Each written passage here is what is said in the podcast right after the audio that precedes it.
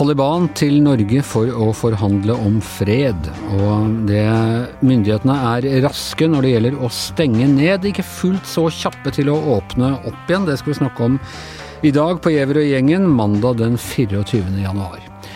Eh, og aller først Per Olav Ødegaard. Eh, det ble kjent altså etter at vi hadde eh, stengt butikken her i podkasten før helgen, at Taliban var på vei til Norge for å forhandle. Og hva, først, hva i all verden er det Taliban skal forhandle med Norge om?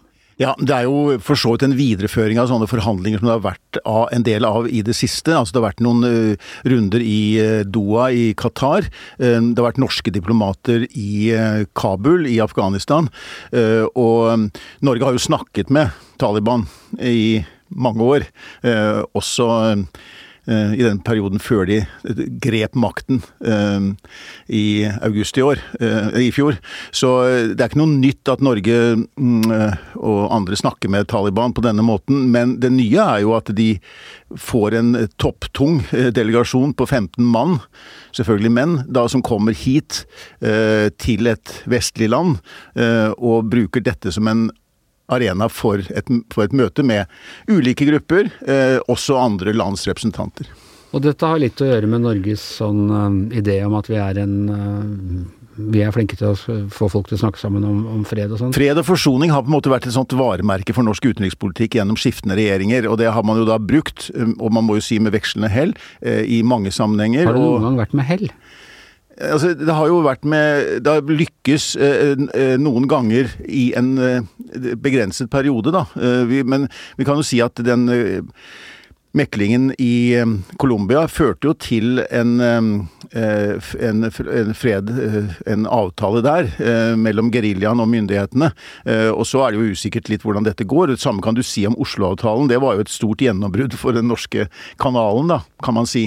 Og den hadde jo umiddelbar veldig stor effekt, og, og, og så jo veldig løfterik ut. Og så ble det ikke slik, når man ser det litt tilbakeskuende, så, så gikk det jo ikke bra med den prosessen prosessen heller. Det er jo helt avhengig av partene, at de faktisk følger opp, øh, og at de ikke sporer av øh, etterpå. Og så må man jo si, altså da eh, først kom disse nyhetene, det er nå én ting. Eh, man kan tro at Norge kan få til her, eller man kan mene at det, er naivt. Men så kom disse bildene av disse talibanistene da i eh, Og nå, lett å bli populistisk her, i en sånn luksuskabin på fly, spesialbestilt fly. Uh, og jeg kjenner at jeg reagerer uh, emosjonelt på å se den gjengen der liksom uh, sitte inne i en moderne flykabin på vei på Norges regning på vei hit. Og um, jeg regner med at du også føler rundt det? Ja, jeg må si jeg, jeg følte hjertet sank litt på lørdag kveld når jeg så disse tingene. Og, jeg, og det, det, som jeg umiddelbart tenkte på, var at jeg befant meg i et fly som så helt likt ut for 14 år siden. Altså en sånn privatjet. Eh, da satt eh, daværende utenriksminister Støre der, eh, og som noen av sine medarbeidere, og noen pressefolk, meg selv inkludert, og sikkerhetsfolk. Og vi reiste ned til, til Afghanistan. Og vi reiste hjem med det samme flyet noen dager senere. Da hadde vi mistet en kollega i mellomtiden. Karsten Thomassen. En, ja, en kollega som ble skutt og drept i det angrepet som fant sted mot Hotell Serena. Ehm, eh, og eh, vi var ganske rystet, og vi var ganske preget av det når vi da reiste hjem. Og det var For meg så var det jo et veldig flashback og en veldig vondt minne da, om det som skjedde under det, under det oppholdet. Og så vet vi jo da at uh, dette Haqqani-nettverket har jo da fått ansvaret og ble ettersøkt. og som var en del av Taliban? Ja, en fraksjon, en fløy. De har, eh, de har stor innflytelse i dagens Taliban også. Um, og den som da ble regnet som en hjernen, den som planla angrepet, han, eh, en yngre bror av denne personen, um, Eh, er da også med i den delegasjonen i Oslo. Ja. Altså lillebroren og da og, og, og han uh, var Sirayudin Haqqani, som, som, da ledet dette nettverket, hadde ansvaret for aksjonen, som da var et angrep på øh, daværende utenriksminister Støre, var vel antagelig øh, toppmålet, og på dere journalister som var der, og som drepte Karsten Thomassen. Han er nå innenriksminister i Taliban-regjeringen, og lillebroren hans er her i Norge for å forhandle fred. Ja, og han har også en posisjon i, i Innenriksdepartementet, så vidt jeg forstår. Så han er Og vi ser at det er de folkene som sto bak mange av de verste angrepene, både på ja, på sivile, selvfølgelig også da på militære, er med i i det nye regimet i, i Afghanistan. Har, har, viktige posisjoner der.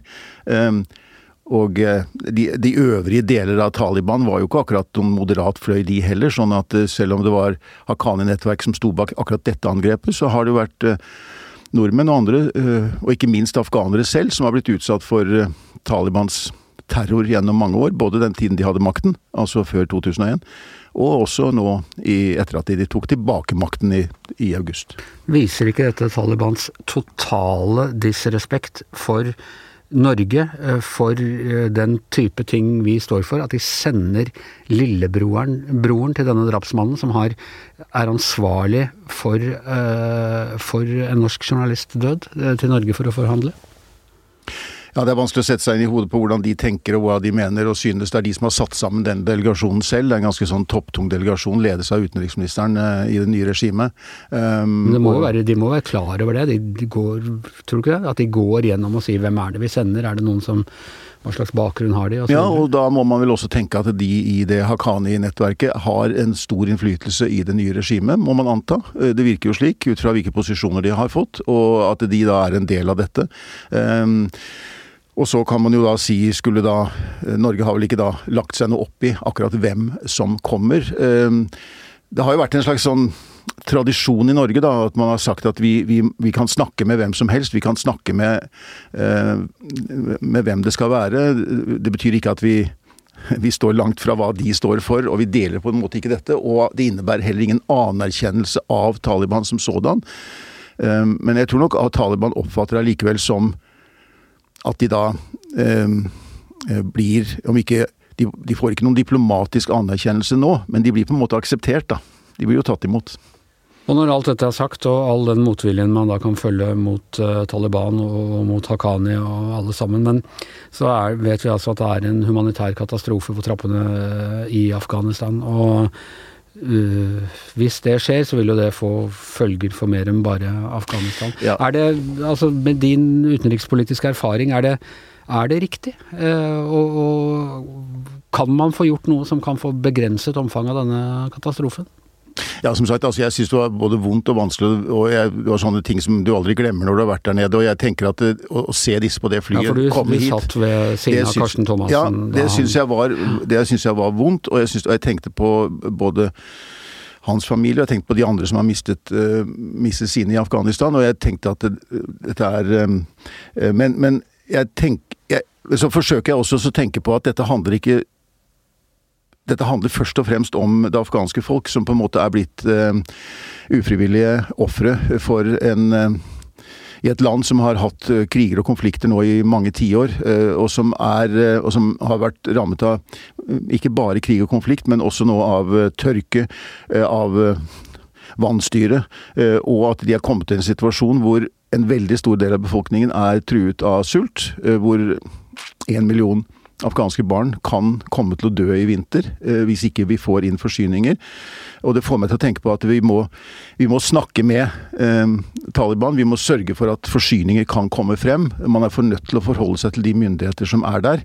Så kan man diskutere om de skulle komme hit, om vi skulle møtt dem andre steder. Eh, og så må vi forsøke å påvirke, bruke det vi har av påvirkningsmulighet i forhold til eh, spørsmålet om eh, kvinners rettigheter, jenters rettigheter til utdanning, eh, når det gjelder ytringsfrihet, når det gjelder alle andre spørsmål. Kanskje er Taliban i en posisjon hvor de ikke har noe annet valg enn å lytte, for de trenger utenlandsk bistand, de trenger å få løst opp sånn at de har, får inn penger i sitt system. Men noen anerkjennelse kan vi etter min oppfatning ikke, ikke gi dem. Ja, dette har jo vakt uh, stor oppsikt i, i, Norge, naturlig nok, og det har selvfølgelig gått norsk uh, politikk i det, uh, Tone Sofie. Det var nesten å anbefale alle å gå inn og høre på Politisk kvarter fra i dag morges på, på NRK, hvor Sylvi Listhaug, som har gått kraftig ut mot regjeringen og vil ta det opp i Stortinget og i det hele tatt, ble litt parkert i Politisk kvarter i dag morges.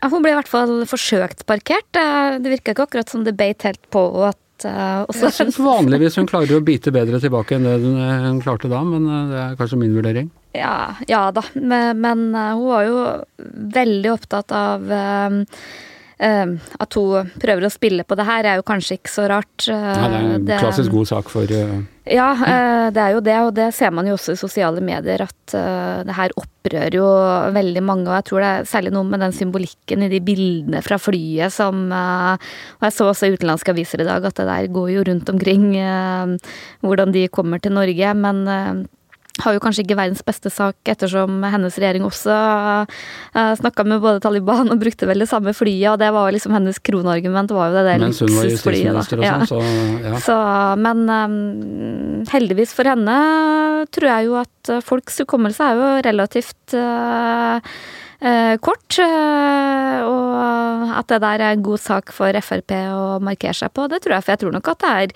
stor ambivalens inn i mange partier, også liksom eh, folk på venstresida som er opptatt av dialog, og, og det internasjonale samfunnet er jo bekymra for da er det her med på å legitimere Taliban på et vis. Eh, var det noe særlig debatt da de var, eh, var det 2017 de var her, eller var det to omganger til og med? 2015 og 2017? Det var vel to omganger, hvis jeg husker riktig. Ja. Jeg kan heller ikke huske at det var noen stor debatt om akkurat det. Eh, det var jo det som gjorde det litt spesielt nå denne gangen, er jo at Norge er på en måte første land som da velger å ta imot en stor og, og, kan, viktig Taliban-delegasjon etter at de, de, kom til makten i, i august. Så til, til, nå så har det liksom vært disse møtene i Doha. og så kan vel si at de møtene som har vært her, altså hvis man skal, et argument for det, er jo at de her er et slags sikkert eh, miljø for å kunne møtes også med de som i det afghanske eksilmiljøet og de som er opptatt av menneskerettighetene og kvinners rettigheter, de kan faktisk møte disse representantene og legge fram sine krav, synspunkter, eh, i, forhold, i direkte møte med Taliban, som ikke ville vært mulig å gjøre i Taliban. Eh, og så kommer da representanter både for USA og EU og flere ledende europeiske land også til Norge for å delta her. Og det holdes jo på et sånt Det er ikke på et politisk nivå møtene finner sted. De kommer med, med statsråder, mm. ministre i sin nye regjering, men de møtes ikke med Eh, politiske eh, representanter her i Norge. Det er i embetsverket, og det er eh, utsendinger.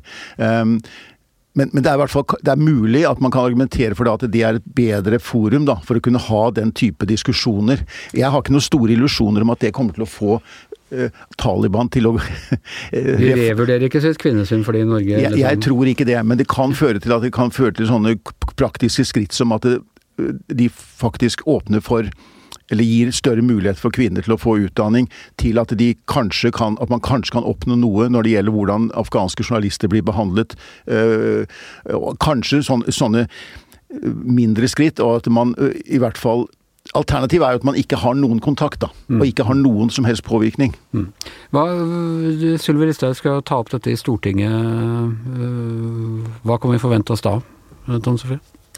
Nei, Det er jeg litt spent på, for den, den kom jo veldig bardus, eh, den saken. Og jeg husker heller ikke noe debatt fra tidligere år, så Nei, alle leter jo nå desperat for mm, å kunne konfrontere Sylvi Listhaug. Og det er sånne, bare sånn nyhetsnotiser med mm, hemmelige mm, samtaler mm, med, med, Taliban og sånn. Mm. Alle håpet jo selvfølgelig å finne et sånt bilde av hvor Sylvi Listhaug tok imot Taliban på justisministerens kontor, men det, ja. det tror jeg Dessverre finnes ikke det bildet heller. Det hadde vært veldig gøy om du hadde gjort ja. det.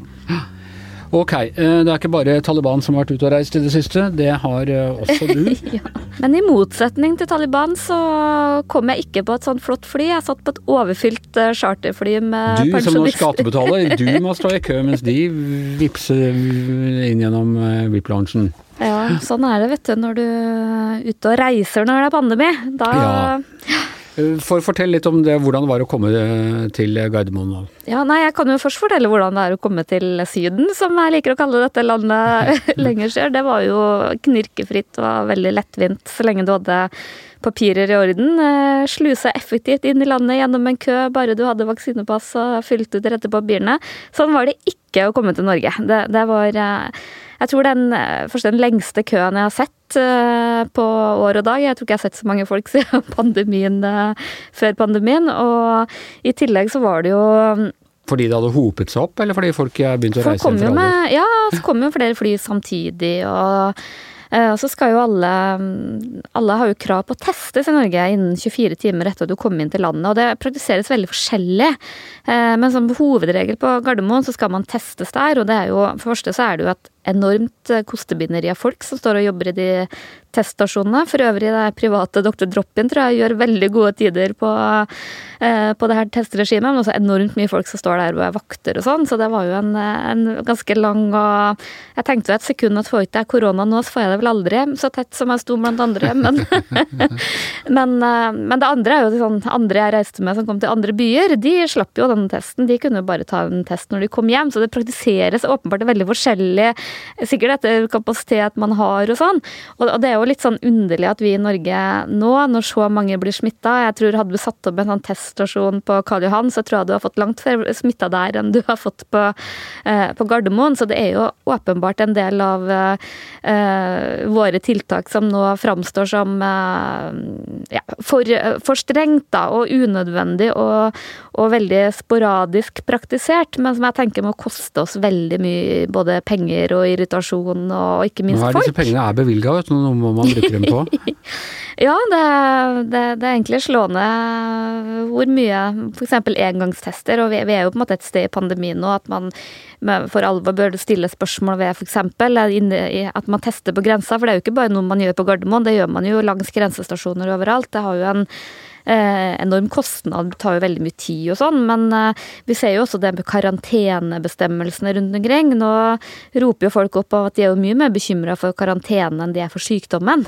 Både for sin egen del, for familier som kan risikere å bli, ha unger her på ukevis når den ene kommer hjem syk, og så havner i karantene og sånn. Ja, så går det fire dager før ja, han og så videre.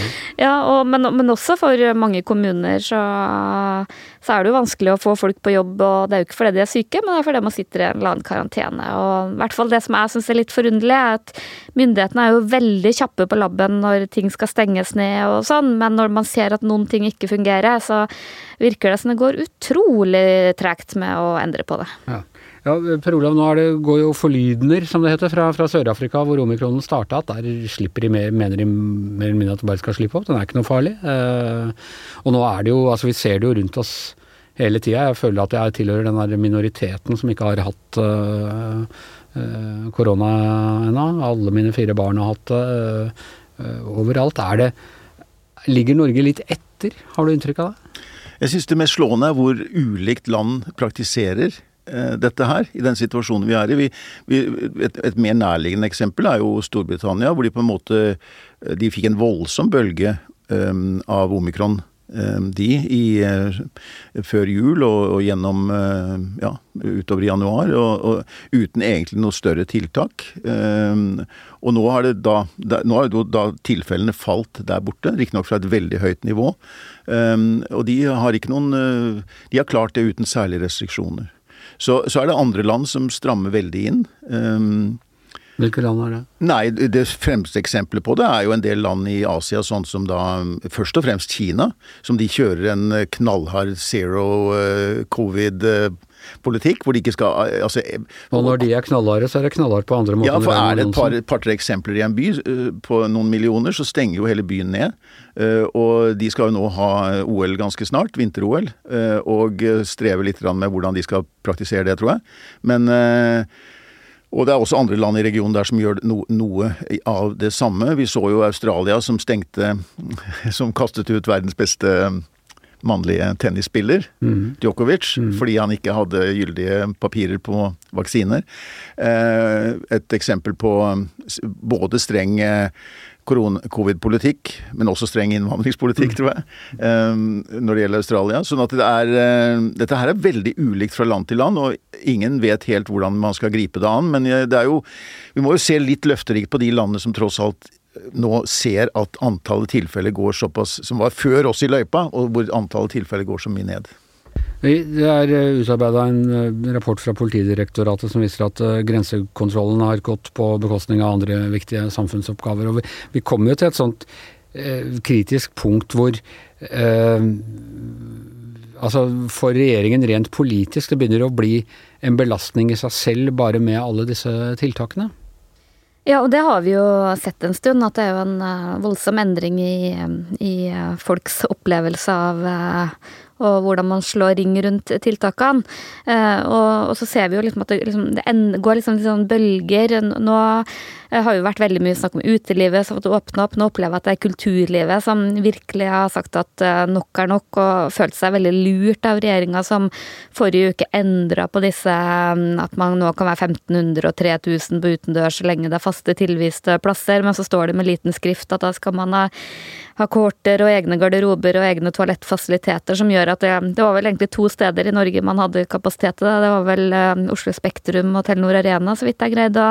Så nå opplever jeg at det er en veldig sånn uh, uh, Mye sånn opp, oppdemma aggresjon i kulturnæringa. Selvfølgelig at nå er det liksom deres tur, da. Og det er jo litt sånn i i kommuner hvor man opplever at man blir veldig kjørt av, av disse karantenereglene. Så mm, jeg tror nok at uh, at uh, regjeringa sånn, kanskje litt snarere enn man har sagt, bør liksom se litt på ny strategi, hvordan man kan få åpna opp mer tilpassa mer til realiteten. Og man har jo hatt en sånn sagt at det skal komme en ny strategi i april. Det tror jeg er uh, altfor seint. Ja, så er det et eller annet med hvordan vi, vi bruker Vi rekker en ny virusvariant for det. Ja, ja sikkert flere òg. Og det er et eller annet med bare å se på grensekontrollen, da, hvor enorme ressurser vi bruker på det. Det var det jeg syns var helt sånn absurd å se på Gardermoen. Hvor enormt mye folk som bare sto bare der og fulgte med køen med folk. Eh, og du snakker om at liksom her mangler du folk. Det er sånn, mange vil ikke at jeg liksom tror at de skal inn på intensivavdelingene, men det, det, er et eller annet med det misforholdet da, som for meg ble veldig sånn synlig der. Ja, vi får se. Det kan skje ting bare i, i, løpet av denne uka. Det skjer i det hele tatt veldig mye for tiden. Eh, vi burde egentlig ha snakket om Ukraina men det tror jeg nesten vi får eh, Jeg er redd at den situasjonen ikke forsvinner til i morgen, Per Olav? Nei, det tror jeg nok ikke den gjør. Men det er i hvert fall ikke noe som tyder på at det er noen avspenning i forholdet mellom øst og vest akkurat i dag. Det, det er, eh, den situasjonen er på ingen måte løst, og det trapper seg opp. Ja, Og vår venn Joe Biden, det går ikke noe bra med han heller? Nei, det han har jo samlet sine rådgivere nå rundt seg på Camp David i helgen og diskutert hvordan de skal møte dette med Russland, og, og vurderer da å sende flere amerikanske soldater til Europa. Um, Vladimir Putin har i hvert fall oppnådd å få hans oppmerksomhet, og få Natos oppmerksomhet, som han lenge har vært ute etter. Jeg tror ikke han kommer til å oppnå så mye på de konkrete kravene sine til Vesten, men han har i hvert fall oppnådd å få den oppmerksomheten. Det er åpenbart at Putin har ikke noe sånn uh videoteip av Biden som han kan bruke. For, så da, da, går vi liksom til neste skritt isteden. Men Boris Johnson går det bra med? Boris Johnson, der går, går det så det griner. Uh, Yngve Kvistad var ikke her i dag, men uh, vi må jo få en rapport fra han også i løpet av, i løpet av uka. Så det er mer enn nok som skjer, i hvert fall. Uh, mer enn nok til å drive nyhetspodkast. Går bra i nyhetspodkastbransjen, men Giæver og gjengen er over for i dag. her i studio Tone Sofie Aglen og Per Olav Ødegaard. Jeg heter Anders Giæver, og mannen som sitter i luksusloungen og produserer det hele, er som vanlig produsent Magne Antonsen. Du har hørt en podkast fra VG. Ansvarlig redaktør, Gard Steiro.